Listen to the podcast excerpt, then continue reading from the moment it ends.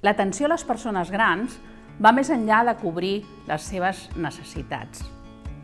Quan estem atenent una persona gran amb algun tipus de dependència o malaltia, estem segurs que estem posant la seva dignitat en el centre de la nostra actuació, ja sigui com a professionals o com a cuidadors no professionals? Segurament podríem assegurar que estem pendents de cobrir les seves necessitats, però i si això no fos suficient? Ens hem preocupat alguna vegada si l'atenció a una persona amb situació de dependència hauria d'anar més enllà de cobrir les seves necessitats bàsiques? Això és possible? La resposta és que no es tracta tant de si cobrim o no les seves necessitats, sinó de com les cobrim.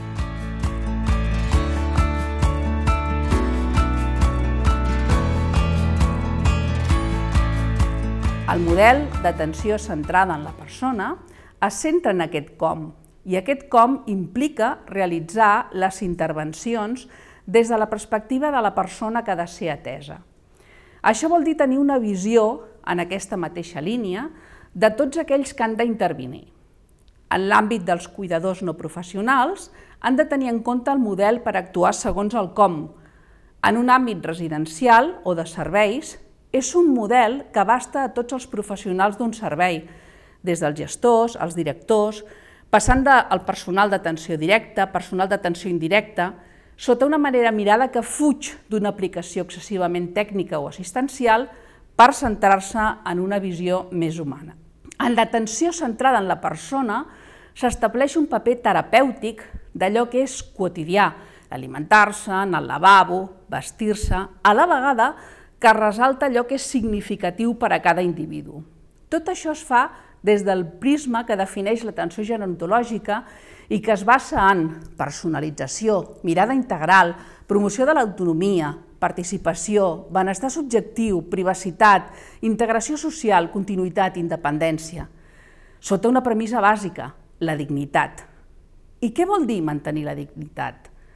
La principal característica que defineix els models d'atenció orientats a la persona vers altres models tradicionalment dissenyats des de l'òptica dels serveis és que reconeix el paper central de la persona usuària en la seva atenció i, en conseqüència, es proposen estratègies perquè sigui ella mateixa qui realment exerceixi el control sobre els assumptes que li afecten. I això té molt a veure amb mantenir la dignitat. Si el model s'implementa en l'àmbit residencial, no només es tindrà cura de la persona a nivell personal. La gerontòloga Teresa Martínez ens explica com també tindríem cura del seu entorn. Per aconseguir-ho, aplicarem el model housing, que permet viure fora de casa, però com a casa. Podran estar envoltats de les seves pertinences i records i podran preservar la seva independència i privacitat, prenent les seves pròpies decisions i controlant el seu dia a dia. Per exemple, si una persona té el costum de dutxar-se a primera hora del matí, per què no mirem de mantenir aquest costum en la nostra planificació de dutxes? I per què no podem organitzar diverses comissions participatives on els residents diguin la seva i consensuir amb els professionals pertinents? Una comissió d'alimentació, on es participi en l'elaboració dels menús, on també integraríem el personal de cuina i el personal sanitari, és clar una comissió de sortides o de festes, on integraríem a l'educador, l'educadora social, el terapeuta, el treballador o treballadora social. Una eina molt eficaç per aconseguir, aconseguir saber tot el que ens interessa per aplicar el model d'atenció centrada en la persona és la història de vida. Es tracta d'un document que anirem completant conforme anem parlant amb la persona i ens expliqui la seva trajectòria vital. Amb vivències positives i negatives, amb il·lusions i decepcions, amb històries felices i tràgiques, una història de vida detallada, completa, que ens mostri totes les peculiaritats, els gustos, fins i tot les excentricitats.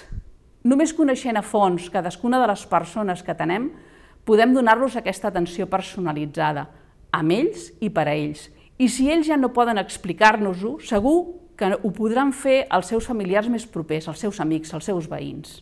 Cada persona és un món, Només coneixent aquest món podrem oferir-los una atenció centrada en ells mateixos. Batllem perquè així sigui, batllem perquè siguin propietaris de les seves vides. I vull acabar amb una frase de l'escriptora nord-americana Laura Heilenbrand, que pateix el síndrome de fatiga crònica. Ella ens diu la dignitat és essencial per la vida humana, així com ho és l'aigua, l'aliment i l'oxigen. La seva retenció obstinada, fins i tot a través d'un extenuant esforç físic, pot mantenir l'ànima d'un home en el seu cos, més enllà de que el cos pot suportar.